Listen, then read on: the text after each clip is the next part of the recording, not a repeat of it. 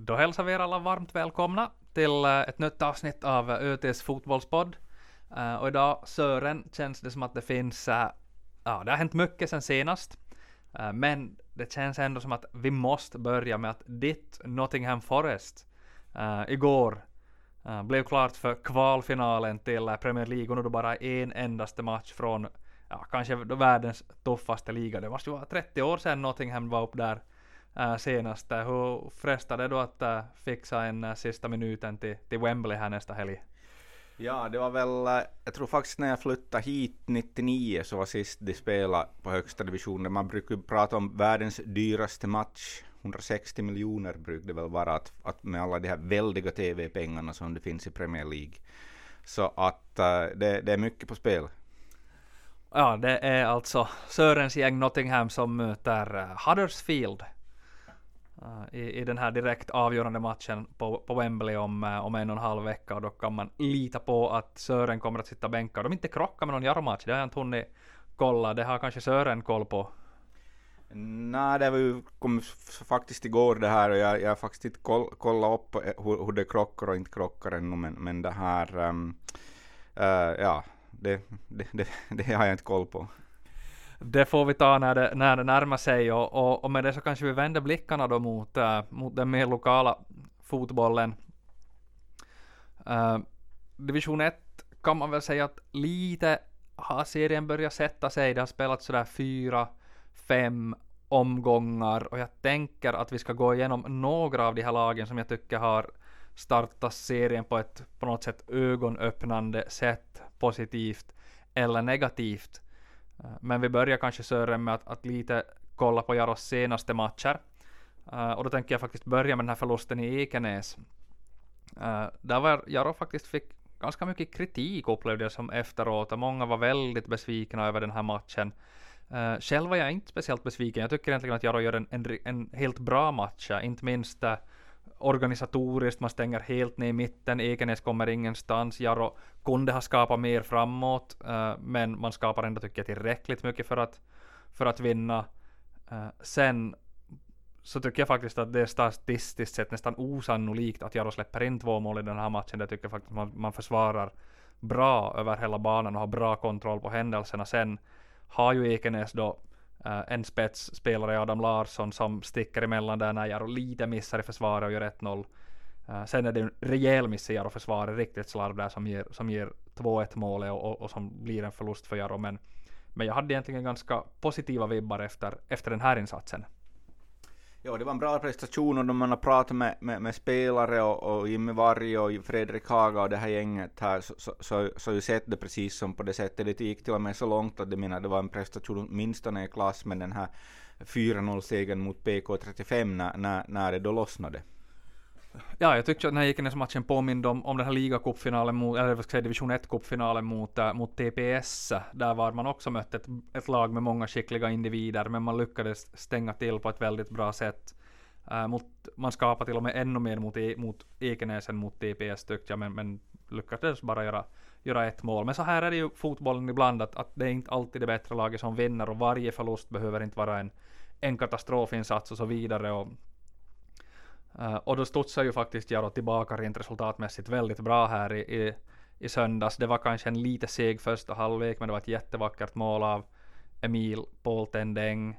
Och sen i andra halvlek så kör ju Jaro över egentligen PK så länge man nu vill det. Sen, sen dör ju matchen kanske lite efter det här uh, 3-0 målet, målet där, men det är i alla fall hur man, hur man än ser på den, en väldigt stabil och viktig seger med tanke på att man får igång när man får mål på Tendeng, man får mål på Kähkönen, man får fart på målskytte på hemmaplan direkt och så vidare. Det, det var mycket positivt att ta med sig. Jag tyckte faktiskt att Jar, Jar dominerade från början till slut i den här matchen, även om det tog ett tag innan man fick kanske den riktigt farliga målchansen och den här utdelningen.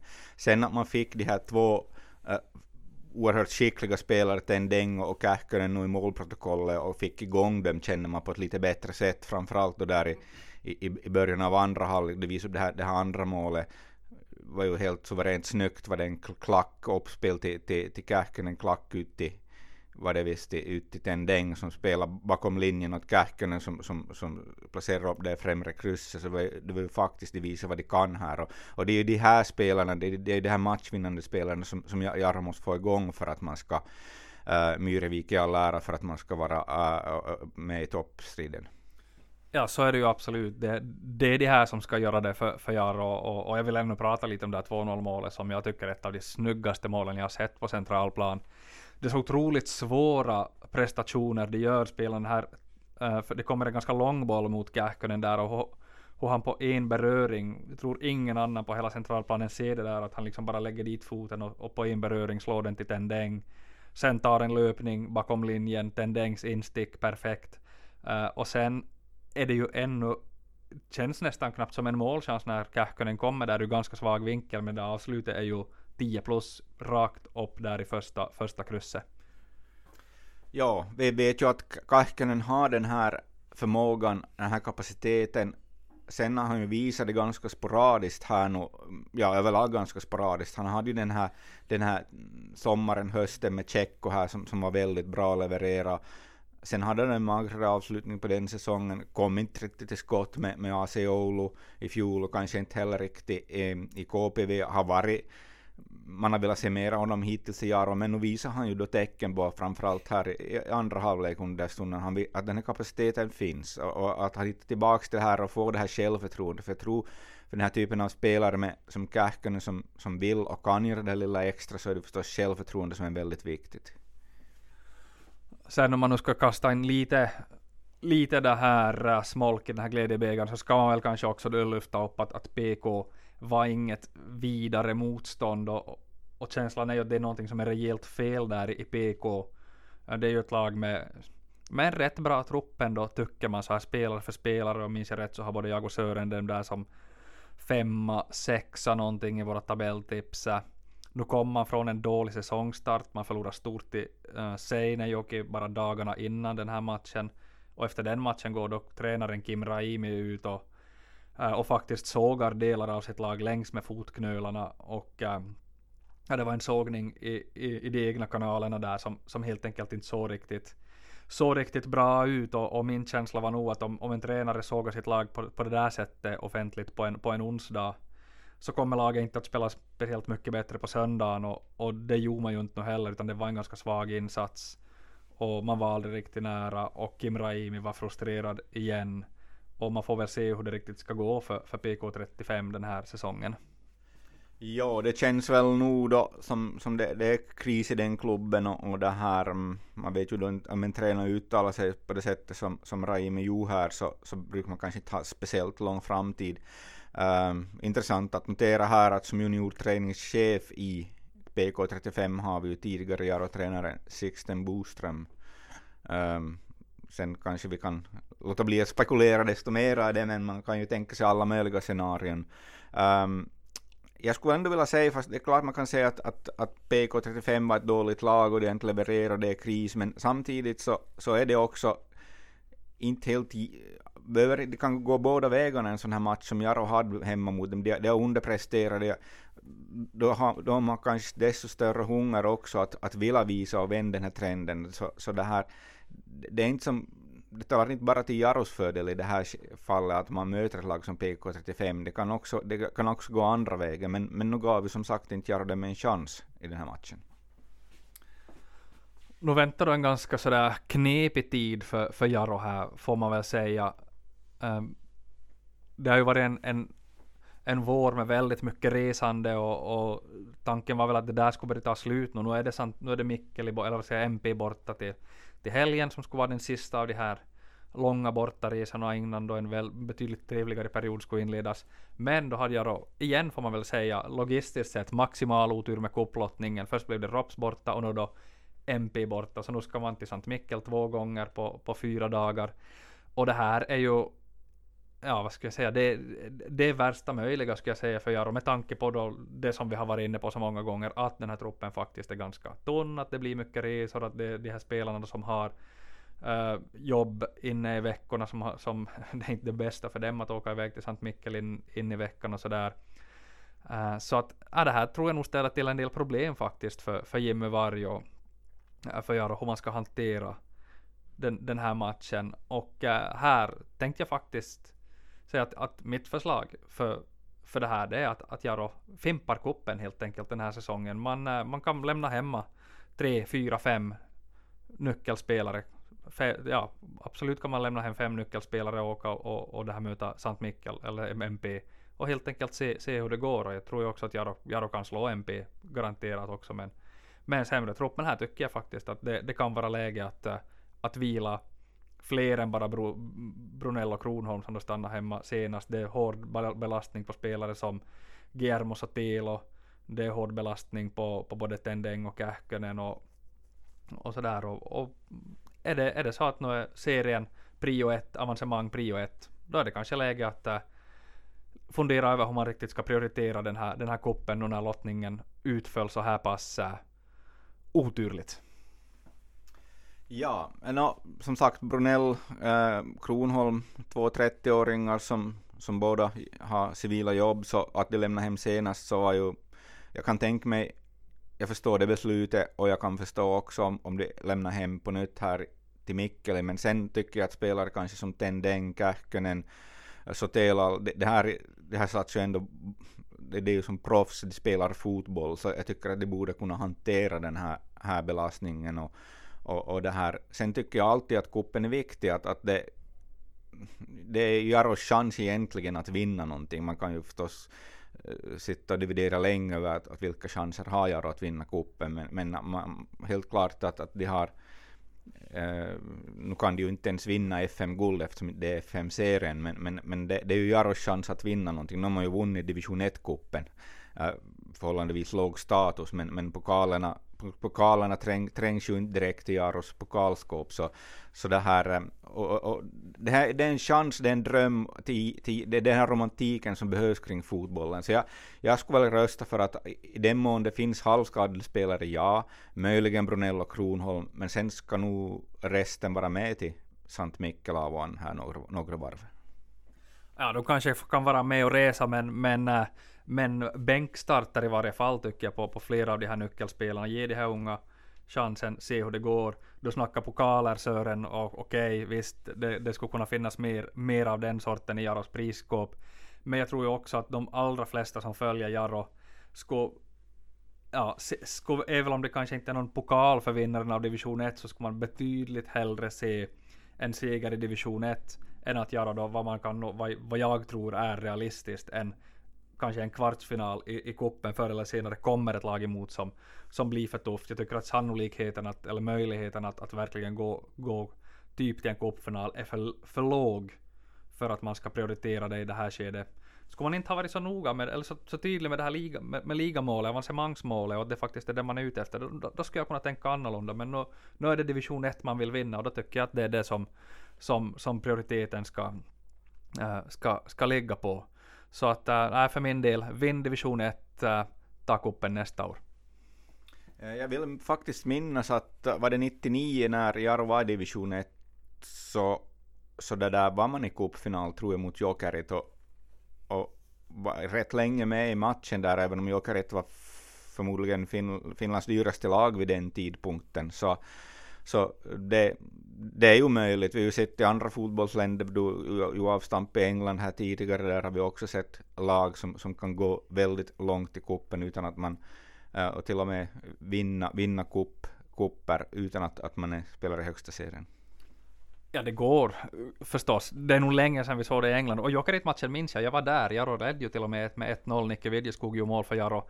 Sen blev det dubbelsalva där av Antti Sumiala om jag minns rätt och, och besvikelse för, för Jarro. Jag minns att Paul Lindholm hade kolumn i UT, JT var det på den tiden, när han pratade om en nästan säsong, hur Jarro nästan steg till ligan, hur Jarro nästan vann kuppen och, och, och den där 99 var på det sättet en frustrerande uh, säsong. Uh, men jag tycker inte att Jarro har kanske riktigt materialet för, för ett tvåfrontskrig här, speciellt inte nu när det blev Sant Mikkel borta igen. Men det där får vi se hur Jim prioriterar. Min gissning är väl ändå att det blir ett ganska starkt Jaro i kuppen och, och, och ja, slår man MP så är man väl där bland de 16 sista. Så visst finns det möjligheter att, att, att, drömma. Men här är vi lite oense då för en gångs skull med, med Sören. Uh, men om vi lämnar kuppen lite då och eh, tittar vidare. Det är ju, det är ju först division 1-match mot MP och så cupmatch mot MP och sen är det då hemma igen toppmatch mot TPS. Dit är det länge. Så jag tänker att vi ska lite kolla igenom starterna i division 1. Och jag tänkte faktiskt börja med Ekenäs, Sören. Jag vet inte hur mycket Ekenäs du har sett. Man såg ju den här Jaro-matchen förstås, och jag har sett dem sådär lite från och till i övrigt. Men jag tyckte ju faktiskt att om det var något lag som, som den här matchen mellan Ekenäs och Jaro var alarmerande för, så var det ju faktiskt Ekenäs. Jag tycker inte alls att laget presterar så som man borde med tanke på det lag man har.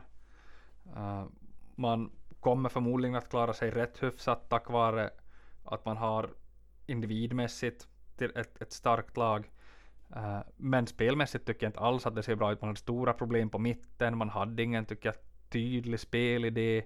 Man fick inte ut någonting av Efimov. Man, liksom, ja, det, jag såg ingenting hos Ekenäs, så jag är bekymrad för, för deras säsong. Eh, det kan man säkert vara. Jag har faktiskt aldrig till division 1 sett Ekenäs som den här riktiga... Jag, jag tror inte ändå de har lite som lillebror till Jaro ändå trots allt. Att de, de har som in, man kan ju alltid diskutera vilka realistiska möjligheter Jaro har att nå ligan, att spela ligan, men, men historiskt sett så har man ju gjort det de facto. Det har ju inte Ekenäs gjort. Och, och jag, jag, tror inte att, jag ser inte Ekenäs som den här riktiga det här riktiga topplaget. Jag, jag ser det snarare som en bedrift för Ekenäs att man har varit i division 1 så länge som man har varit. Um, så att eh, ja, det är nog, det är nog de andra lagen, TPSK, TP, Eh, möjligtvis, möjligtvis något no Helsingforslag mera som, som är med och konkurrerar där. Och det som är lite förstås, även om TPS leder nu så vi, vi hör båda väl på den här, det Varte och Forti podcasten och, och där såg de friskt förstås TPS efter, efter den här förlusten mot, mot Pargas. Alltså det är ju derbymatch där och Jonathan Johansson kommer från Pargas och tror bor i Pargas för tillfället. Och, och den, den, förlusten eh, gjorde ju ont i TPS-lägret, men och det får en väldig kritik där, framförallt av tränaren Jonathan Johansson. Men det oaktat, tittar man tabellen så, så, ja, vem leder? Ja, TPS ligger ju där och har i princip samma, po- eller Jaro har ju spelat en match mindre, har tre poäng mindre, så TPS poängsnitt är ju, är ju en tvåa. Uh, men, eh, men visst var det en, en enorm missräkning, det där att spelet var inte bra. Eh, så TPS är väl lite som, som på något sätt som i fjol, att resultatmässigt fungerade hyfsat, men spelet hackar och, och haltar och med tanke på laguppställningen så känns det som att det skulle behöva hända lite mer kring TPS. Så det är nog också, om nu Ekenäs är det lag som jag tycker har underpresterat mest av de här som jag har tänkt ska, ska slåss där uppe i topp top fyra, så tycker jag ändå också att TPS har saker att, eh, att tänka på och det ska bli spännande att se deras fortsättning här. Nu såg jag inte den mot äh, SJK Akademia, men den här tidiga seriefinalen som vi väl får förmoda att det blir mellan Jaro och TPS här, om, här i Jakobstad i, äh, om en, en och en halv vecka så, så blir ju nog fascinerande. Äh, nästa lag som jag har funderat på är ju, som vi faktiskt måste prata lite om, då, så är ju Gnistan. Som, äh, som kanske är ännu mer profilstarkt, inte minst offensivt med sina, med sina brassar och, och tog den här osannolika 10-1-segern över, över Japs. Sen är väl, har vi väl tror jag lite samma syn på Gnistan, så att det är ett lag med hög, höga toppar men som inte brukar räcka riktigt hela vägen. Men äh, vad tror du om Gnistan i år? Är det laget som ska utmana TPS och Jaro där i, i toppen eller?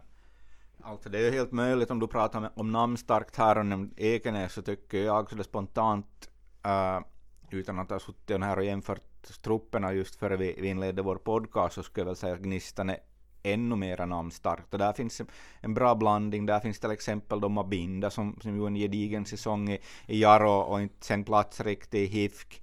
Topi Järvinen. Äh, Topi Järvinen som vi känner till som Topi Järvinen har ju svårt att ta en ordinarie plats, plats i Gnistan, är ofta endera utbytt eller inhoppare. Mm, så. Det är samma roll som i Jaro. Mm. Och, och det här, den här Douglas K, den här, den här brassen, om, om Jaro saknar en nummer nio så är ju han en nummer nio som också levererar på liganivå. Han var visst bland annat i, i VPS. Så att, att där, där, finns mycket intressanta löften. Där finns ju den här Maximo Tolonen då, det här eviga löftet som man väntar på att ska, ska blomma ut. Så att eh, Ja, jag tycker Gnistan, Gnistan ser, ser intressant ut. Det är väl Jonas Rantanen som, som tränare som kommer från, från HJK-lägret där och och då det här, um, ja, det, det, det, det ser ut som ett intressant och, och eh, ett bra lag. Mm. En märklig start på säsongen har ju också Japs gjort förstås, som är det lag som förlorar med 10-1 mot Gnistan och, och det är ju ett sådär resultat som en tränare sällan brukar överleva. Nu, nu verkar ju Japs tränaren överleva det där. Sen gick man faktiskt märkligt nog och vann följande match då mot just Ekenäs. Eh, uh, och man spelade också 0-0 mot Jaro i, i den här halvmatchen i, i början. Uh, eh, men ja, ja det, det skulle bli intressant att se hur de reagerar efter den där 1-10 förlusten. Att man då vinner mot Ekenäs, det kan ju göra att man då på något sätt kanske kan glömma den här katastrofen mot Gnistan och gå vidare. Hade det blivit en ny klar förlust, då hade det nog blivit tufft för, för Jäp, så det kan det bli ändå. Uh, men, men säg att man hade åkt på ett par, tre tunga, lite större förluster till, så då, då kan det nog hända att, att eh, ryggraden skulle vara knäckt i, i träsken. Så är det. Jag tror nog att Japs kommer till få det jobbigt, vad jag har sett kommer det till få det jobbigt eh, här, precis som Pepo och säkert också Pargas, alltså nykomlingarna. Eh, däremot ser ju SIK Akademia betydligt starkare ut än vad de har gjort under tidigare sessioner i, i division 1, också starkare än klubben 04. De har framförallt jättemycket spelare där, och, och, och så, så, att äh, de, de, kan möjligen bra, klara sig riktigt bra, och det har ju klarat sig jättebra hittills. Um, sen så, ja, Sen så har vi ju KPV då där som, som kommer som Jaros nästa motståndare. KPV, om, om Jaro har en tunn trupp så har KPV möjligen snudd på ännu tunnare. Det är ju också väldigt beroende av, av enskilda nyckelspelare och att de håller ihop, håller ihop så, så, så, så kan de hålla upp det. Men, men de har ju inte råd med, med, med mycket skador på, på, på Manström och de här, de här Chansopolos och, och, och mera bärande spelare. Nej, det känns ju verkligen som att det handlar om tre, fyra spelare då in på Chansopoulos och Manström, Harry Hajeman kan man säkert räkna in till det här som gjorde då båda målen senast när, när KPV vann. Målvakten Lazarev är viktig. Sen verkar äh, nya vänsterbacken från klubben 04, Marcel Böker, har varit, Böker har varit en, en, en bra injektion och en bra, äh, ett bra nyförvärv äh, där, så att äh, kanske han kan få ett litet genombrott i, i KPV. Men ja, när matchtempot ökar här så, så är det nog så är KPV också i, i riskzonen definitivt. Nu lyckades man då hålla undan mot Piff senast. Man gjorde 2-0, tappade till 2-1, men närmare än så kom inte, kom inte Piffen och KPV tog, tog säsongens andra seger och har gjort en helt okej okay, äh, säsongstart. Ligger där ganska mitt i tabellen, guppar kring strecket lite som, lite som förväntat. Annars då, äh, tittar vi lite utåt så ser vi att Simon Skrabb har gått, gått skadad igen. Han missar nog de här två senaste matcherna. Uh, I Ilves så har jag inte riktigt sett hur det går. Där var det ju en osannolik händelse när Ilves förlorade mot Ilves reservlag i kuppen efter ett märkligt självmål dessutom. Men eh, Axel Widjeskog har ju fortsatt att, att spela i, i Ilves. Antonio Losanja har gjort sitt andra mål för, för HJK här, här nyligen. Han får lite förtroende där.